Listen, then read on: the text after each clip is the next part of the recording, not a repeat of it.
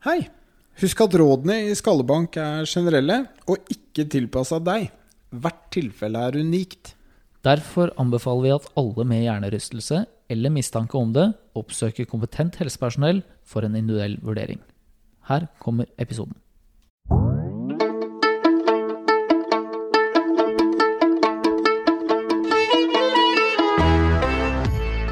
Hei, og velkommen til eh, Skallebank, podkasten om eh, hjernerystelse. Jeg heter eh, Narve Bjørneseth. Og Jeg heter Lars Martin Fischer, og i dag så har vi med oss eh, klinisk ernæringsfysiolog Marlene. Nok en gang, velkommen tilbake. Takk for det. Hyggelig å være tilbake. Ja, Sist så prata vi jo litt sånn om kosthold og hjernerystelse generelt. I dag skal vi spise det litt, Ja. og tenkte at vi skulle prate om omega-3. Ja. Som mange har hørt litt om, vet kanskje litt om. Vi vet at vi bør ha det i oss. Så Men hva er det? ja. Omega-3 er jo en eh, fettsyre.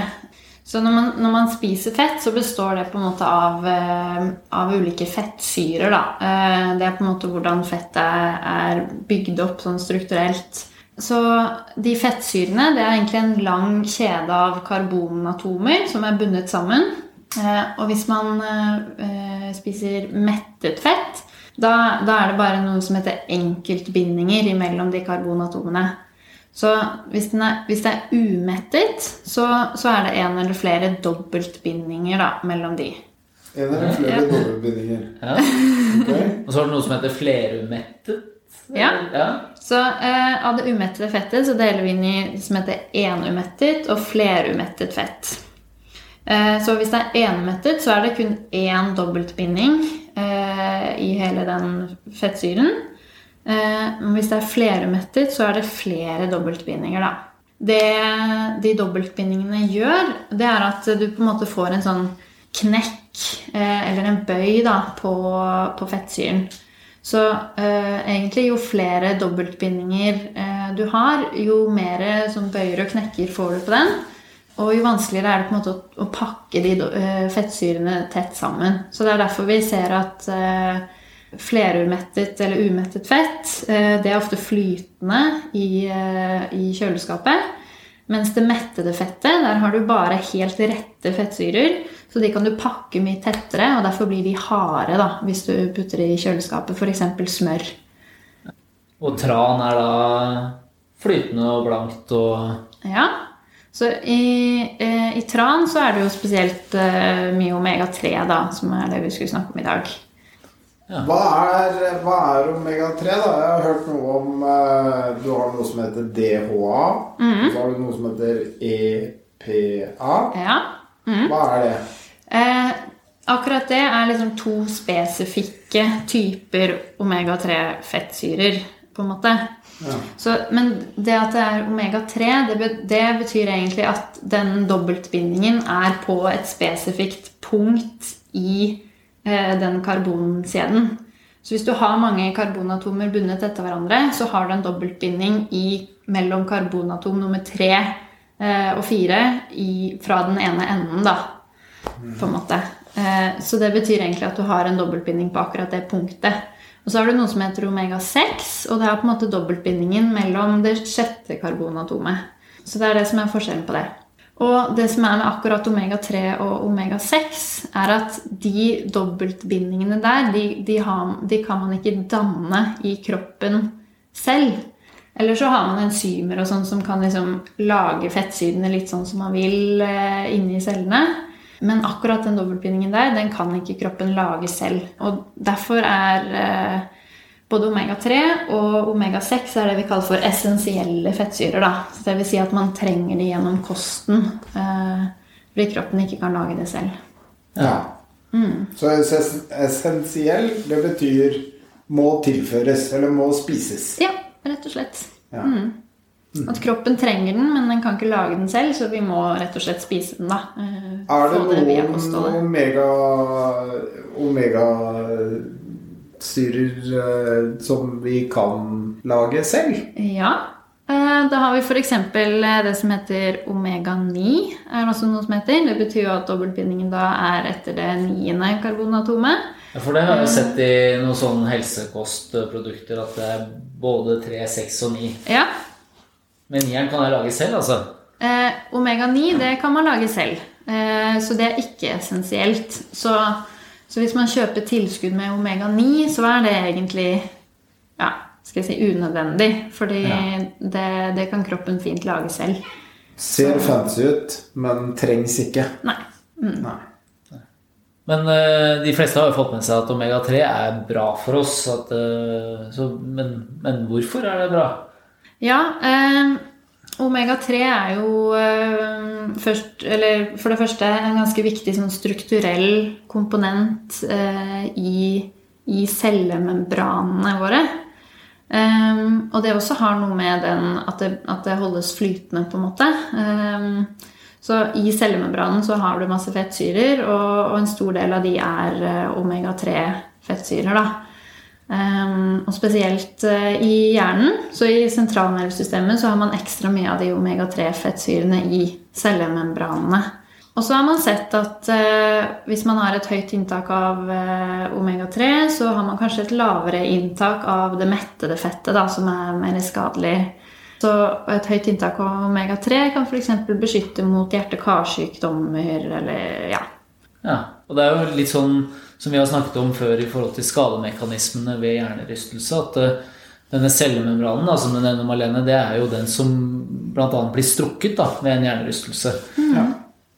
Så, eh, og det er kanskje viktig for oss å poengtere det at i forhold til hjernerystelse og mat eller eh, mikronæringsstoffer at det er mye vi ennå ikke vet. Det er mye det ikke er forska på, men det er kanskje forska litt på rotter og sånt.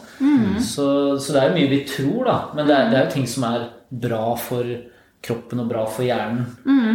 Og det er nok kanskje Selv om vi ikke vet noe, så betyr jo ikke det at ting vi, vi antar er sunne, eh, ikke er sunne fordi vi ennå ikke har skrevet en superduper artikkel om hjernerystelse og, og omega-3. Men, men vi Men- vet det finnes i hjernen, så da er det jo å anta at det har en positiv effekt ved hjernerystelse òg, kanskje. Ja, kanskje.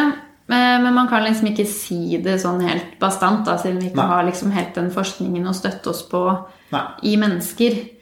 Eh, Men det har jo vært gjort eh, litt eh, dyrestudier i forhold til inntak av DHA, da, som er en av de eh, omega-3-fettsyrene, eh, og hjernerystelse hos f.eks. mus og rotter. da.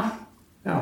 Og da har man faktisk sett at hvis man tar tilskudd enten før eller etter selve hjernerystelses... Altså hendelsen, da. Selve skaden. Så kan det gi eh, Hva skal jeg si Det minsker på en måte reduksjonen i kognitiv svekkelse etter eh, en hjernerystelse, da. eh, Har man sett i dyrestudier. ja, så de husker bedre hvis de spiser omega-3, for å si det veldig enkelt. Ja. Både før selve hjernerystelsen skjer, og hvis man tar det som tilskudd etter man har faktisk fått hjernerystelsen. Ja. Så det kan vet- hjelpe liksom å ha Hvis du har et godt lager av omega-3, eller har et godt eh, kosthold som ivaretar det, så er det, kan det i hvert fall ha en beskyttende effekt hvis du først får hjernerystelse. Ja, eh, man kan jo anta det, men man kan ikke si det helt spesifikt. For det første fordi de studiene er gjort på dyr, og for det andre fordi man så på tilskudd eh, av det, og ikke bare det man eh, får liksom i vanlige mengder i kostholdet. kostholdet da. Nei, så man tilførte rein olje, for å si det enkelt, da. Ja. Ja. Mm. Ikke sant. Ok, Så tilskudd er nå én ting, da, men uh, man kan jo få dette her gjennom mat òg. ja. Hva bør man spise da? Da er det jo flere kilder til omega-3, og så er det litt forskjell på om eh, man får det gjennom eh, plantemat, eller om man får det fra marine kilder. Så det er litt forskjellige typer fettsyrer, men blant eh, de liksom vegetabilske kildene, da, da får man typisk en fettsyre som heter alfa-linolensyre. Og det får man f.eks. i valnøtter eller eh, chiafrø, f.eks. Eh, linfrø. Og også litt i rapsolje. Mens de eh, liksom marine omega-3-fettsyrene, som er egentlig de som blir mest omtalt, det er de EPA og DHA, som eh, vi har snakket litt om. Eh, de får man da typisk fra fet fisk eller og annen sjømat. Også fra algeolje, da, hvis man vil ha et vegetabilsk alternativ til de. Ja, så veganere kan også få tak i de sunneste fettsyrene? Ja, absolutt. Da er det rett og slett algeolje som man kan kjøpe som sånn vanlige omega-3-kapsler på apoteket f.eks. Eller så er jo f.eks. tran eh, en veldig god kilde til eh, omega-3. da. Eh, og det er jo anbefalt hvis man ikke spiser så veldig mye fisk, så er det anbefalt å, å ta tran f.eks. på vinterhalvåret for nordmenn. Mest pga. vitamin D, men da får man jo også masse omega-3 da, i, hvis man tar tran. Ja. Mm. Rådet er uh, ganske enkelt fra gammelt av. Alle måneder med R, da kan du ta tran. Ja, og det er jo fordi D-vitamin dannes eh, når man får sollys på huden. Eh, og i månedene med R, det er jo de som er på, på vinteren. Høsten og vinteren og våren. Så, og da får man mindre sol, da. Så hvis man eh, ikke klarer å dekke behov for D-vitamin gjennom kosten, så anbefales det å ta tran hele vinterhalvåret. Ja. Og som, som en bieffekt av det òg i forhold til D-vitamin, så har vi jo snakket om i krystallsykeepisoden at uh, har du mangel på D-vitamin, så hender det at du får litt hyppigere tilbakefall av krystallsyke. Så sånn ja. sett kan jo det være et, eh, et, råd å følge, i hvert fall i de månedene med R. da. Men det gjør ikke noe gærent å ta tran året rundt for å få i deg mye av te? Absolutt ikke. Kan du ta for mye av det? Da tror jeg det skal ganske store mengder til. I hvert fall med tanke på omega-3. Er det, er, det sånn, er det, noen ting eh, vi bør tenke på hvis vi skal ta det? Bør det tas sammen med en annen mat, eller uh, mat man bør unngå for å, få, for å, ta det opp på en mer effektiv måte, eller? Eh, nei, ikke, ikke som jeg kan komme på med en gang. i forhold Så til det eneste som eventuelt påvirker deg, er om du skal unngå å gulpe tranen eller ikke? ja. Er det da før eller etter mat som gjelder? Det tror jeg er litt individuelt.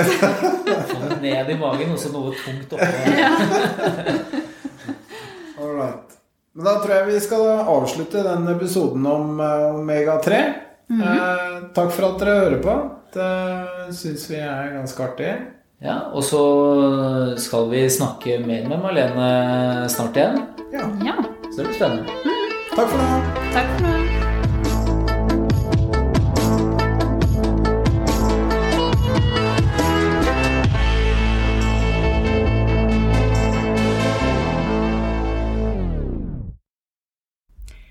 Dette er klinisk ernæringsfysiolog Malene fra Skallebank podkast. Har du spørsmål om kosthold og ernæring i forbindelse med hjernerystelse, kan du sende spørsmål til skallebankpod at gmail.com. Du kan også følge oss på Instagram og Facebook på skallebank-hjernerystelse.